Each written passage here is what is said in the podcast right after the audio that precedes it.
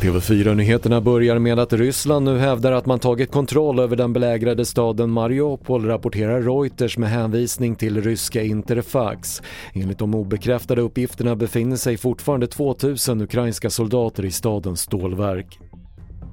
En stor studie bekräftar ökad förekomst av hjärtmuskelinflammation hos främst unga män som vaccinerats med Pfizer-Biontechs coronavaccin och ännu högre för de som fått Modernas vaccin enligt Läkemedelsverket.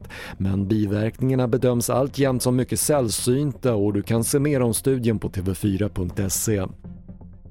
Och efter påskhelgens koranbränningar pekar Sverige ut som ett land där kränkningar av islam tillåts. Enligt Nationellt centrum för terrorhotbedömning kan helgens händelser påverka terrorhotet och polisen utreder nu kopplingar till utländska personer. Vi har information om, om eh, sociala konton från utlandet som har eldat på, men i övrigt så vill jag inte kommentera det mer. Det sa Jonas Hysing på polisen. Och fler nyheter hittar du på tv4.se. Jag heter Patrik Lindström.